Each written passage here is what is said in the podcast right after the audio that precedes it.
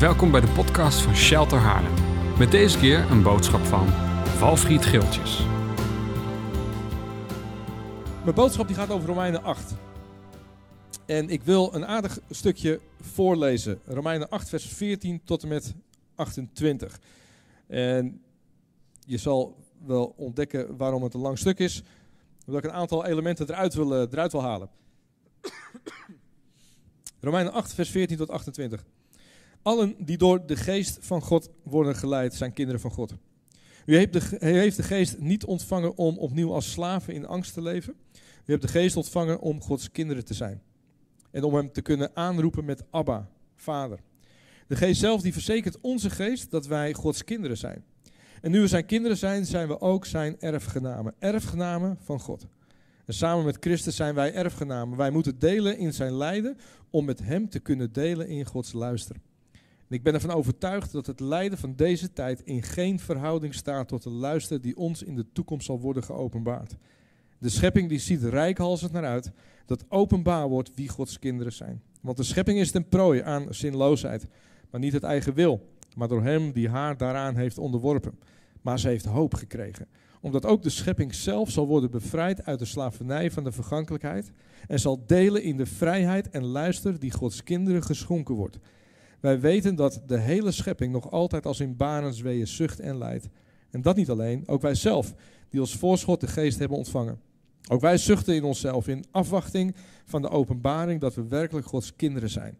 En de verlossing van ons sterfelijk bestaan. En in deze hoop zijn we gered. Als we echter nu al zouden zien waarop we hopen, dan zou het geen hoop meer zijn. Want wie hoopt er nog op wat hij al kan zien? Maar als wij hopen op wat nog niet zichtbaar is, dan blijven we in afwachting daarvan volharden. De geest die helpt ons in onze zwakheid. We weten immers niet wat we in ons gebed tegen God moeten zeggen. Maar de geest zelf pleit voor ons met woordloze zuchten. God die ons doorgrondt, weet wat de geest wil zeggen. Hij weet dat de geest volgens zijn wil pleit voor allen die hen toebehoren. En wij weten dat voor wie God liefhebben, voor wie volgens zijn voornemen geroepen zijn, alles bijdraagt aan het goede. Zo, wat staat er een hoop in deze paar zinnen. En ik kan je vertellen, wat ik je straks gaf, ik haal er een aantal elementen uit en er zit nog veel meer in. Er zit ontzettend veel, ik, ik hou van de brief Romeinen, met name Romeinen 8, daar zit zoveel in om te ontdekken. Ik, ik wil wat gedachten delen met jullie. Um, ik, ik, ik, ik, ja, je komt als mensen tegen en dat zijn, dat zijn mooie mensen. En, en voor mij zijn de meest mooie mensen, dat zijn mensen die, ik noem het heel zijn hele mensen. Dat zijn mensen die rust uitstralen. Dat zijn mensen die uh, volwassen zijn. Op een mooie manier reageren op omstandigheden en situaties. Dat zijn mensen die zich niet uit het veld laten slaan als, als er tegenslag is. Dat zijn hele, hele mensen. Ik, ik denk ook dat Jezus, uh, dat, hij, dat dat een van de redenen is waarom hij zo aantrekkelijk was. He, dus, dus ik, ik geloof dat Jezus was een, was een heel mens. Ik, ik, ik, denk ook inderdaad, ook, ook al zou hij geen wonderen doen, dan nog zou die mensen aantrekken omdat Jezus een heel persoon is. Hij is heel. Hij is heel van de binnenkant, heeft zijn verleden hersteld, heeft altijd hoop en blijft rustig ook als het stormt. Twee weken geleden las ik uh, de boodschap van Jan Paul. Hij sprak hier twee weken en van de week uh, kwam ik er pas aan toe om even, even te luisteren. En ik zat in de auto en ik was aan het luisteren en, en die boodschap die raakte me. En toen dacht ik, wat, wat, wat raakt me nou precies? en um, het, het, was het de inhoud? Ja, ook wel. Ik vond de inhoud heel goed wat hij zei. Maar, maar het, het, was, het was vooral wat hij zei en hoe hij het zei. Vooral hoe hij het zei. En ik denk van hier, hier spreekt iemand die, die heel is. Iemand die uh, door de processen heen is gegaan en die volwassen is. Die, die rust uitstraalt. Die ondanks dat het stormt er toch gewoon relaxed blijft, zeg maar. En ik, ik, vind dat, ik vind dat aantrekkelijk om te zien in mensen. Als mensen hele mensen zijn geworden. Herken je dat? Ja, dat zijn mooie mensen. En af en toe kom je zulke mensen tegen. En wat me opvalt is dat de meesten die dat hebben, die zijn al wat ouder. En dat bedoel ik niet vervelend, naar Jan toe of naar anderen toe. Maar ik geloof dat het, het mooiste wat je kunt worden, dat is een, een wijze, oude, hele man of vrouw. Volgens, mij is dat het, het allermooiste wat je kunt worden. Dat je iemand bent die heel is. Die gewoon door het leven, door dingen heen is gegaan en die heel is geworden. Een bepaalde rust uitstraalt, een bepaalde vrede uitstraalt. En dat is een reis. En, en, die reis die ben ik ook aan het maken. En, en soms maak ik daar goede keuzes in en soms ook niet. Ik ben onderweg en dat zul je misschien wel herkennen. Het, het, het, betekent niet dat alle oude mensen ook gelijk heel zijn. Want helaas kom je ook wel eens oudere mensen tegen die ook nog duidelijk onderweg zijn om heel te worden. dus leeftijd is geen garantie om heel te zijn. Het gaat heel erg om het proces waar mensen doorheen zijn gegaan. Maar, maar blijkbaar heeft het wel tijd nodig en heeft het rijping nodig om heel en gezond te zijn. En vaak noemen we dat soort mensen ook vaders en moeders. En, en, en ja, dat, dat, dat, dat heeft tijd nodig om een vader of een moeder te worden. Jan zei twee weken geleden in zijn preek, vroegen zich eigenlijk af van hoe komt het toch dat mensen in deze tijd zo heftig reageren? Hoe komt dat? En, en toen zei hij, eh, daar later op zijn preek ging hij daarop in, toen zei hij van ja, zei, ik denk dat het komt omdat er uh, nog heel veel onheelheid is, zeg maar, in de mens. Dus er zit, er zit nog pijn in, waardoor mensen heftig reageren. Er is onheelheid. En ik geloof dat dat direct verbonden is met de mate waarin wij beseffen wie we zijn. Ik, ik geloof dat de mate van heelheid direct verbonden is met het besef dat wij dat we weten wie we zijn. Dat we diep van binnen weten wat onze identiteit is. Want als je 100% weet wie je bent, dat geeft rust. Dat geeft vrede. Dat maakt dat je op omstandigheden kunt reageren die vol van rust en vol van, vol van vrede zijn.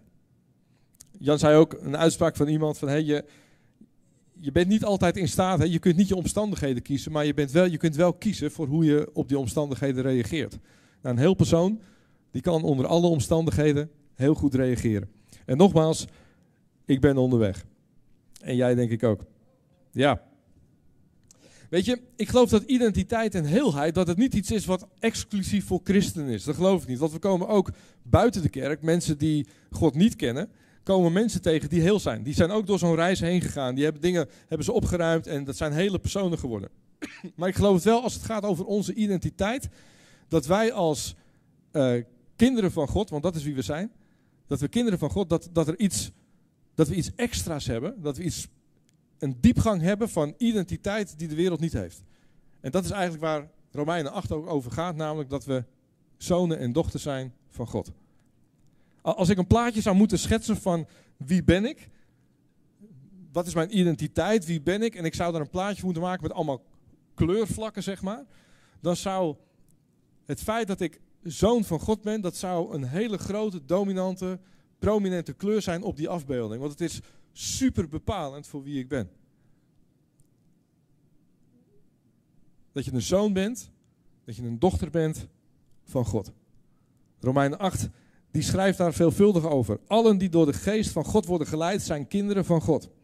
U hebt de geest ontvangen om Gods kinderen te zijn en om Hem te kunnen aanroepen met Abba, Vader. En Abba betekent papa.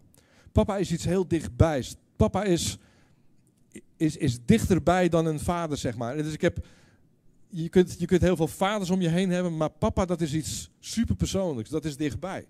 Maar we kunnen papa tegen God de Vader zeggen. We zijn zijn kinderen. De geest zelf verzekert onze geest dat wij Gods kinderen zijn.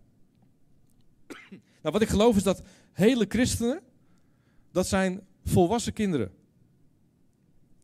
Hele christenen, dat zijn volwassen christenen. En, en, dat, dat lijkt tegenstrijdig, want kinderen zijn toch jong. Maar ik geloof dat een, een hele christen, dat is een, dat is een kind wat volwassen is geworden. Dat zijn hele christenen. En ik, dat boek wat van Ton, van Ton, van Ton Heemskerk, uh, dat gaat hier ook over. Dat is eigenlijk gewoon leven als een zoon of als een dochter. Gewoon in de volkomen ontspannen en met rust en met vrede leven als een zoon of als een dochter van God.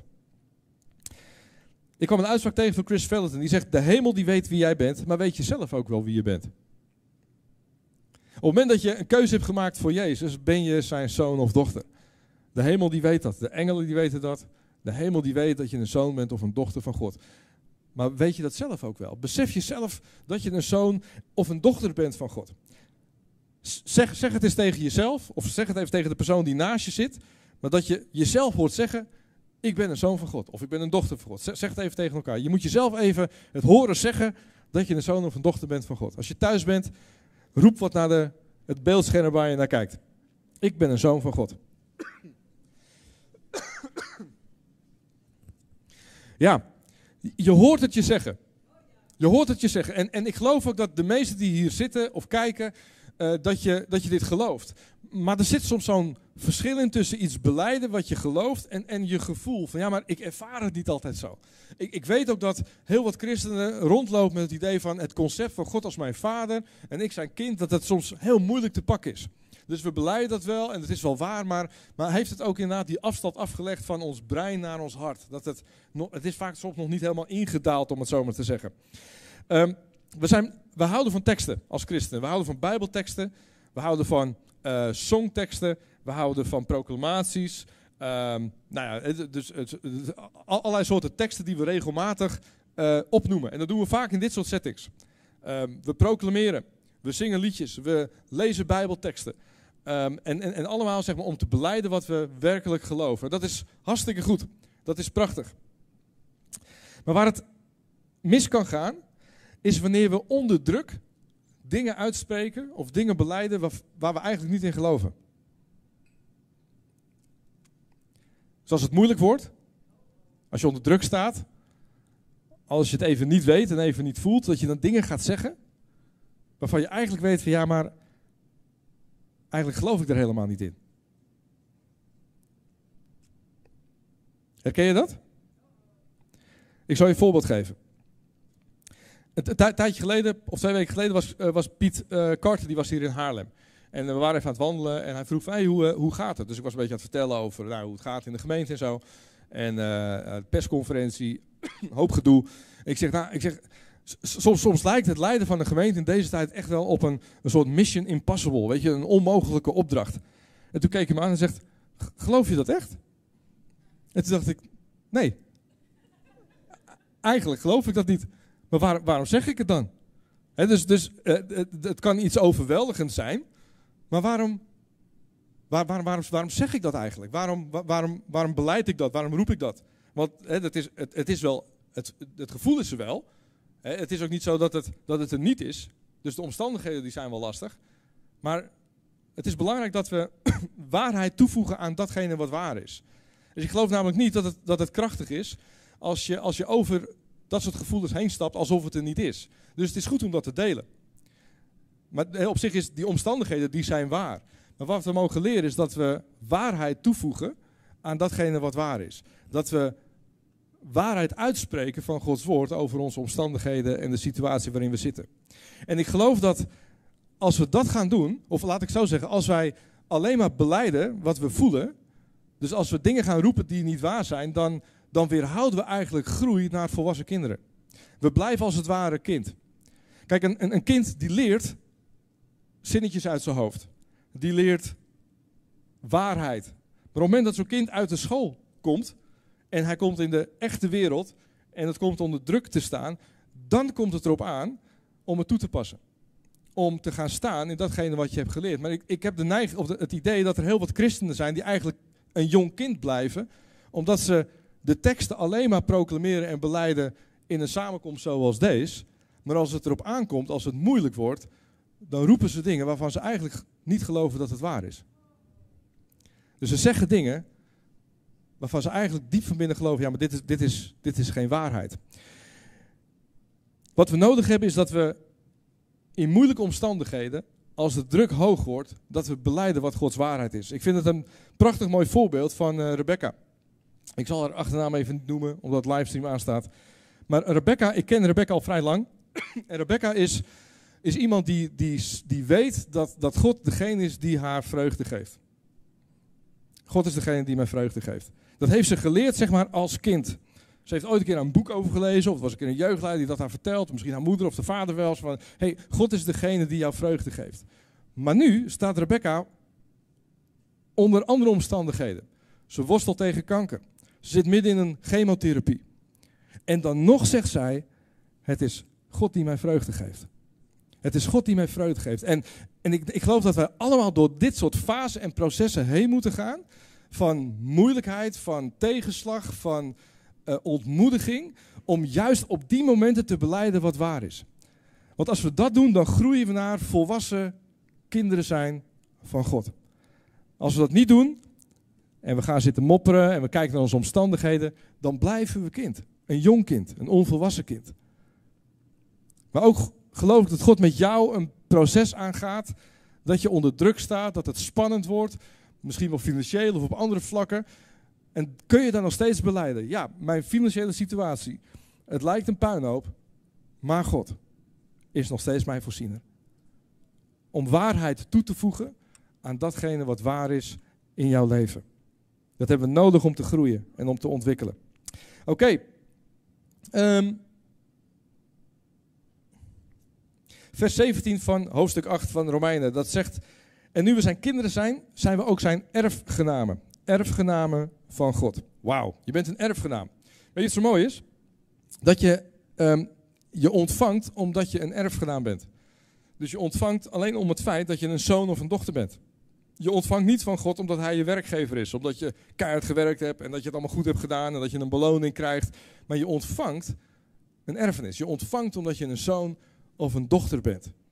Wat heerlijk is dat. Dat God niet je werkgever is, maar dat hij je vader is. Dat hij je papa is. Maar wat mag jij nou als zoon en dochter verwachten? Nou, daar wil ik het vanmorgen over hebben. Wat mag jij als zoon of dochter verwachten? En dat doe ik eigenlijk aan de hand van uh, Romeinen 8. Ik heb, ik heb vier punten. En van die vier punten heb ik vier keer een proclamatie gemaakt. En die gaan we straks gaan we die samen doen. Dus die verschijnen ook op het scherm als een beleidenis van, maar dit is wie God is voor mij. Ja, zullen we dat gaan doen straks? De eerste. De eerste is, die vinden we in vers 16. Vers 16 staat: U hebt de geest ontvangen om Gods kinderen te zijn en om Hem te kunnen aanroepen met Abba, Vader. De geest zelf verzekert onze geest dat wij Gods kinderen zijn. Nou, ik kwam een andere vertaling tegen, de, Passion Translation, die zegt: And you will never feel orphaned. Je zult je nooit meer voelen als een wees. Wat een belofte. Zeg het even tegen jezelf. Ik zal me nooit meer voelen als een wees. Nooit meer, geen dag. Er hoeft geen dag meer te zijn in je leven dat, je, dat jij je verweest voelt. Weet je, een wees is vaderloos. Een wees heeft in zijn kindertijd dingen gezien en meegemaakt die hem gevormd hebben. Maar ook dingen gezien en meegemaakt of gehoord die een kind niet hoeft mee te maken. Een, een wees heeft vaak een mechanisme opgebouwd om zijn hart en om, zijn, om, om eigenlijk proberen te overleven. En soms ziet zo'n mechanisme er heel vakkundig uit. Het zijn kinderen die gemist hebben uh, een plek van veiligheid. Een plek van geborgenheid. Zijn opgegroeid in een onzekere omgeving. Ze hebben liefde gemist en hebben daardoor vaak hun hart verhard. Een tijdje geleden sprak ik iemand. Hij is opgegroeid als een wees. Letterlijk. Hij is opgegroeid als een wees. En, en, en die man die had een, een, een, een super handig ja, hoe zeg je dat? Hij had het zo voor elkaar gekregen dat zijn, zijn buitenwereld dacht dat het prima met hem ging. Hij had een mechanisme om zich heen gebouwd. Vakkundig mechanisme met bouwstenen, prachtig. En de buitenkant zag er goed uit. En iedereen dacht dat het goed met hem ging. Maar op een gegeven moment was zeg maar het, het wondvocht van het wees zijn. Dat zijpelde langzaam door de voegen van het mechanisme. Met als gevolg dat alles instortte. Hij raakte, alles raakte die kwijt. Alles.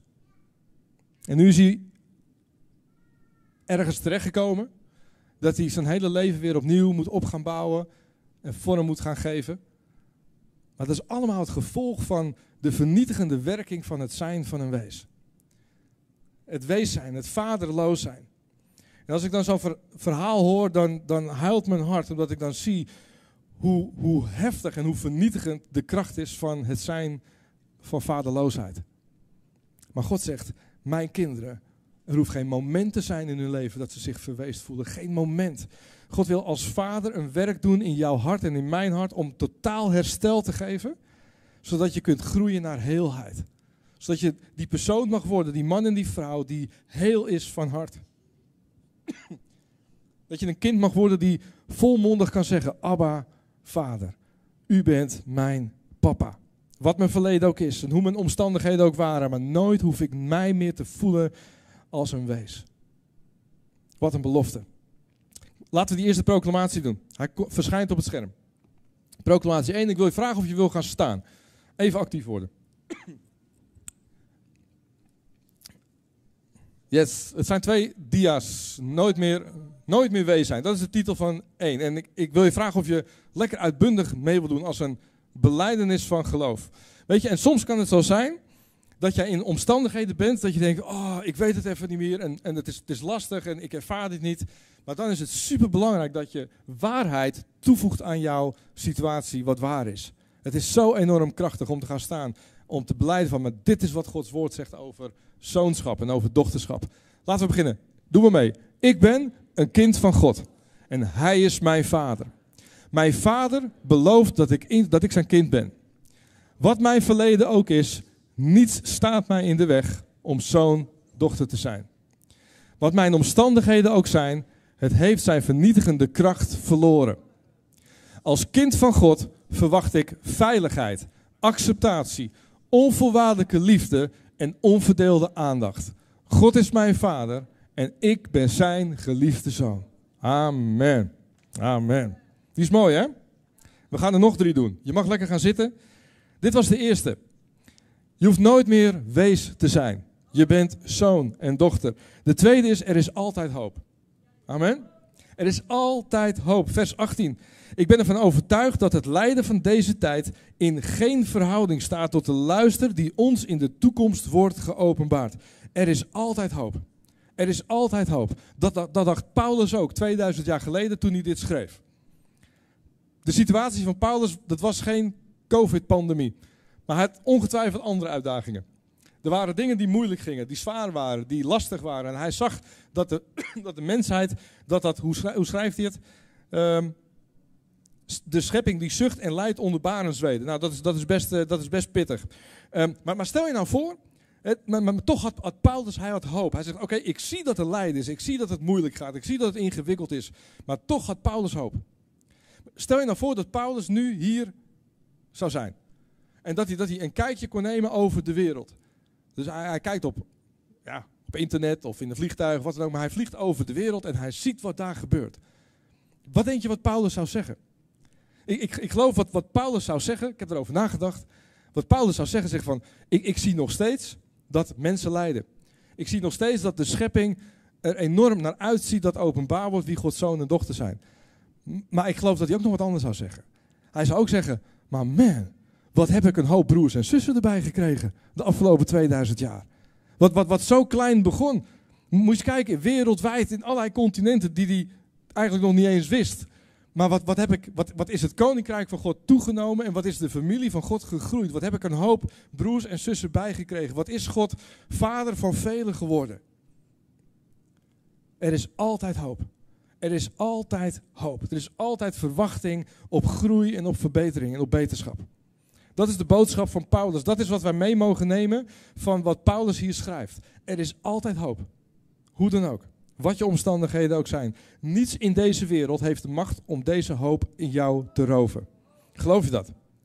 Niets in deze wereld heeft de macht om deze hoop in jou te roven. Waarom niet? Want jij bent een zoon van God. En God de Vader die belooft dit aan jou. Er is altijd hoop. Er is altijd verwachting. Er hoeft geen dag te zijn dat jij geen hoop hebt. Er zit, er zit iets heel moois in. Ik wil het met je voorlezen uit de Statenvertaling. Vers 20 en 21. Daar staat. Want de schepping is aan de zinloosheid onderworpen, niet vrijwillig, maar door hem die haar daaraan onderworpen heeft. In de hoop dat ook de schepping, daar komt hij hoor, in de hoop dat ook de schepping zelf zal bevrijd worden van de slavernij van het verderf, om te komen tot de vrijheid van de heerlijkheid van de kinderen van God. Dat zijn diepe woorden. Ik heb erover nagedacht, maar wat betekent dat nou? Het, het, het lijkt wel alsof de, de schepping de heerlijkheid en de vrijheid van Gods kinderen volgt. Het, het, het lijkt alsof de volheid en de heerlijkheid, of de, de, vrijheid en de heerlijkheid die God aan zijn kinderen wil geven, dat dat zo aantrekkelijk is voor de wereld om ons heen, voor de schepping, dat het niets anders kan dan te volgen. Dan daarbij in de buurt zijn. En dat is geloof ik ook wat daar staat, dat de schepping die wacht met rijkhals het verlangen, dat openbaar wordt wie de zonen en dochters zijn. Ik, ik, ik weet niet hoe dat eruit gaat zien, maar ik, als ik het me zo voorstel, dan, dan droom ik van een kerk waar mannen en vrouwen 100% zoon en dochter zijn, waar God zijn heerlijkheid en zijn vrijheid volledig heeft in uit kunnen gieten. Hele mensen, 100% geheeld, die zijn zo aantrekkelijk dat als je in de supermarkt zou staan, dat er opeens gewoon acht mensen om je heen staan. Je denkt, huh, wat komen die mensen doen? Maar ze willen gewoon bij jou in de buurt zijn, omdat je zo vol bent en heel bent en vrij bent door datgene wat God de Vader in jouw leven doet. Kijk naar Jezus. Bij Jezus gebeurt precies hetzelfde. Ik ben ervan overtuigd, ook al zou Jezus geen één wonder hebben gedaan, dan nog geloof ik dat hij honderden mensen zal trekken. Waarom? Want er was iets in Jezus aan heerlijkheid en aan glorie, aan vrijheid, aan wijsheid en aan inzicht wat aantrekkelijk was. Daar wilde je bij zijn. Stel je voor dat je aan het wielrennen bent in de duinen. En op een gegeven moment aan alle kanten komen de mountainbikers het bos uit en die fietsen achter je aan. Want denk van ja, maar die kerel daar, die wil ik volgen, want die heeft iets. Die is vol, die is vrij, die is aantrekkelijk. De schepping die volgt wat er al is, heeft plaatsgevonden in heerlijkheid en vrijheid onder de kinderen van God. Het is heerlijk om daarover te fantaseren. Hoe het precies uitziet, dat weet ik niet. Maar ik weet wel, we hebben een hoopvolle toekomst. God wil nog zoveel geven aan de kerk. Hij wil nog zoveel geven aan zijn kinderen. Hij wil je nog zoveel van zijn heerlijkheid en van zijn vrijheid laten ontdekken. Dat jouw omgeving niets anders kan dan in jouw buurt zijn. Is mooi hè? Kom aan, proclamatie 2. Ga staan. Gaan we ervoor. ja, je zult weten dat je hier bent. Je komt met spierpijn, spierpijn kom je thuis. Proclamatie 2. Ik ben een kind van God. Hij is mijn vader. Doe maar mee. Mijn vader belooft dat er altijd hoop is. De omstandigheden van vandaag staan in geen verhouding met de zegen die gaat komen. En ook al zie ik het nog niet, maar ik weet, het komt eraan. Als kind van God verwacht ik dat mijn omgeving zal verlangen naar de heerlijkheid die mijn vader mij geeft. God is mijn vader en hij geeft mij nieuwe hoop. Amen. Amen. Je mag gaan zitten. We gaan door naar de derde. De Heilige Geest die doet voorbeden voor Gods kinderen. Vers 26 en 27. Ik lees hem je voor. Maar als wij hopen op wat nog niet zichtbaar is, dan blijven we in afwachting daarvan volharden. De Geest helpt ons in onze zwakheid. Wij weten immers zelf niet wat we in ons gebed tegen God moeten zeggen. Maar de Geest zelf die pleit voor ons met woordloze zuchten. De message die zegt, hij bidt in en voor ons. Dit is heel mooi. Hij maakt gebed uit onze woordloze zuchten en onze pijnlijke kreunen. Als we het zelf niet meer weten, als we zelf overweldigd worden door omstandigheden, als we zelf niet meer weten van Heer, ik weet niet meer wat ik moet bidden. Wat gebeurt er dan? Dan is het de Heilige Geest die in jou opstaat en voorbeden voor jou doet. Hij maakt van jouw woordloze zuchten, maakt die woorden van gebed. Hij doet voorbeden voor jou. Hij doet voorbeden voor je kinderen. Hij doet voorbeden voor je echtgenoot. Hij doet voorbeden voor je kleinkinderen. Hij doet voorbeden voor de dingen waar je mee bezig bent. De Heilige Geest weet exact wat jij nodig hebt. Maar de Heilige Geest, de beste voorbidder die er is, die woont in jou. Wat een geschenk als kinderen van God. Wat een geschenk. Wat een rijkdom heb je als zoon, als dochter. Dat de grootste voorbidder in jou woont en opstaat voor jou en voorbeden doet op momenten dat je het zelf niet kunt. Proclamatie 3. Je mag weer gaan staan. We gaan ervoor. Yes. De Heilige Geest die bidt. Komt ie. Ik ben een kind van God en Hij is mijn vader. Mijn vader belooft dat zijn geest altijd voor mij zal bidden. Geen persconferentie krijgt mij eronder. Geen negatief nieuws is in staat om mij te verslaan. Want op moeilijke dagen is het Gods geest die in mij opstaat en voor mij bidt. Ik verwacht dat Hij bidt voor mijn familie en vrienden. Voor gezondheid en voor kracht. Voor voorziening en meer dan genoeg. God is mijn Vader en Hij bidt voor mij. Amen. Ja, we gaan door naar de vierde. Dat is alweer de laatste. Deze is ook zo mooi. Vers 28. Ik lees er vooruit de Statenvertaling. En wij weten dat voor hen die God liefhebben, alle dingen meewerken ten goede. Herhaal dat even. Alle dingen meewerken ten goede. Voor wie? Voor hen die overeenkomstig zijn voornemen geroepen zijn. Oftewel, voor ons zijn kinderen. Wat een waarheid. Wat een prachtige belofte. En hoe krachtig is het? Dat je weet dat wat de omstandigheden ook zijn, maar God die draait alles om ten gunste van mij. Dat betekent niet dat God de bedenker is van ellende.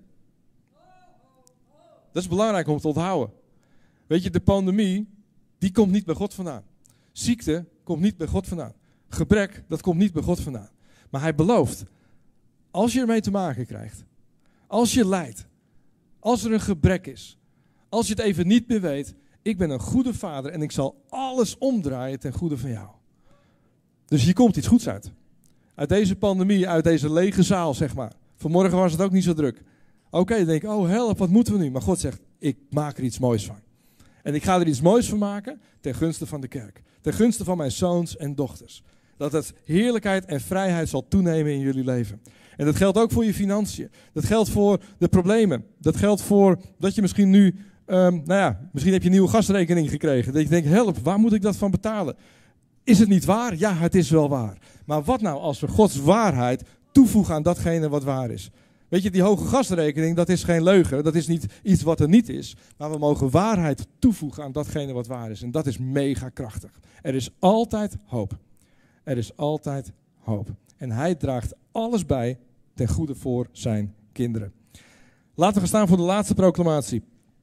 Proclamatie 4. Ik ben een kind van God. Hij is mijn vader. Mijn vader belooft dat hij alles wat in mijn leven gebeurt mee zal laten werken ten goede voor mij. Geen pandemie zal mij in de afgrond storten. Geen bedreiging zal mijn toekomst negatief beïnvloeden. Als kind van God verwacht ik zegen, voorspoed en een hoopvolle toekomst voor mij, mijn kinderen en kleinkinderen. God is mijn vader en hij laat alles meewerken voor mij. Amen. Zullen we God een waanzinnig groot applaus geven? Dank u wel, Heer. U bent onze Vader, Heer. U bent de Vader van elke geloofsgemeenschap en wij zijn uw kinderen. We zijn uw zonen en dochters en daar zijn we zo ontzettend dankbaar voor. Dank u wel, Heer Jezus. Dank u wel, Heer, dat we door moeilijke perioden heen mogen gaan, maar dat dat juist de momenten zijn om krachtig te worden. Dat dat juist de momenten zijn om volwassen kinderen te worden van de Vader. Dank u, Jezus. Dank u, Jezus. U heeft ons geroepen om heel te zijn. U heeft ons geroepen om heel te zijn. Dank u, Jezus. Hmm. Ik zou twee, willen, twee dingen willen doen. Ik geloof dat dit een moment is voor sommigen om thuis te komen. God wil ook een vader zijn voor jou. En misschien ken je hem niet. Maar is er iets wat je, wat je raakt in deze dienst, als je meekijkt of meeluistert, of hier aanwezig bent, wat ernaar verlangt om ook tegen God papa te kunnen zeggen? Het is een moment van thuiskomen. God de Vader is, het huis van God de Vader is nooit te vol. Hij trekt zich niks aan van vier bezoekers op een dag. No way. No way. Je bent altijd welkom. Je bent altijd welkom. Je bent altijd welkom om een zoon en een dochter te zijn. Weet je, en ik wil gewoon het, het moment je de gelegenheid geven om thuis te komen. Als jij hier bent en zegt, eigenlijk heb ik daar nog nooit bewust een keuze voor gemaakt. Om God te zien als mijn vader. Dan mag je dat nu doen. Ik wil je gewoon vragen om moedig te zijn. En om even naar voren te komen. Dan zijn er mensen die voor je bidden. Als jij zegt, ik wil die keuze maken om God te zien als mijn vader. Je mag thuiskomen. En ook als je thuis meekijkt of meeluistert en je wordt geraakt, dan, dan zou ik je willen vragen of je gewoon eens contact wil opnemen. Stuur eens een mailtje. We willen graag met jou in contact komen, want het is ook voor jou is er altijd plek. Je mag thuiskomen bij de Vader. God verlangt ernaar om, om jouw papa te zijn. En hij wil ook in jou wil hij een werk doen van herstel. Hij wil mechanismen die je hebt opgebouwd om sterk te zijn, om krachtig te zijn, om die pijn van wees zijn, die jaren van vaderloos zijn, wat je vakkundig hebt opgebouwd, maar hij wil met jou een proces ingaan om dat af te breken, zodat het kan helen en gezond kan worden. Want je bent bestemd om te leven als een heel persoon. In relatie met God de Vader en in relatie met anderen. Ik zegen je in Jezus' naam. Dank u, Vader. Dank u, Vader. Het tweede wat ik wil doen is, is dat we tijd nemen van gebed voor heelheid. Ik, ik, ik geloof dat het een bestemming is van de kerk. Dat de kerk bestaat uit mannen en vrouwen die volledig heel zijn. Maar als we eerlijk zijn, dan zijn we onderweg. En er zijn er toch vaak nog dingen in ons leven, hoe we reageren of hoe we doen, wat eigenlijk laat zien dat er nog zoveel verwondheid en pijn is. En ik wil gewoon kort het moment nemen, de, muziek die staat al aan. En de dienst die ronden we ook af, maar laten we gewoon tijd van bediening hebben. Kom lekker naar voren, de bidders die zijn er, er zijn een aantal oudsten die zijn er. Maar we willen, we, willen, we willen je zegenen. We willen het proces van herstel, waar God mee bezig is, van heel worden, dat willen we in jou zegenen. Dat het door zal gaan, dat, het, dat je krachtiger zult worden dan ooit tevoren. En er zit zo'n verschil in tussen krachtig zijn en krachtig doen. Hele mensen zijn krachtig, maar die zijn door die moeilijke processen heen gegaan. Mensen die krachtig doen, die zijn werkelijk niet krachtig. Die doen alsof. Die hebben vaak een mechanisme opgebouwd wat er krachtig uitziet. Maar werkelijk mensen die krachtig zijn, die hebben die mechanismen in hun leven afgebroken. En die hebben God de ruimte gegeven om hen te herstellen. Dat zijn mensen van rust, van vrede, van heelheid. Als jij nou verlangt om, om even op dit moment gewoon die ontmoeting met God te hebben. Zeg van Heer, ik, ik wil dat u dat werk in mij doet. Kom, kom lekker naar voren. Laten we de tijd nemen om voor jullie te bidden. Kom naar voren, wees vrijmoedig.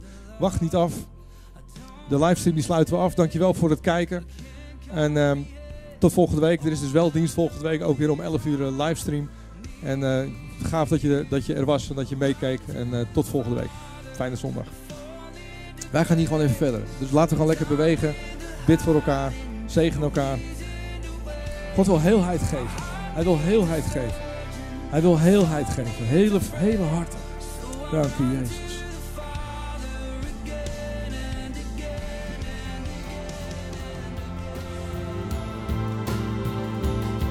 Dank voor het luisteren naar onze wekelijkse podcast. De missie van Shelter is Gods Koninkrijk zichtbaar maken in onze wereld. Wil je onze gemeente financieel ondersteunen in deze missie? Ga dan naar www.shelter-haarlem.nl geven.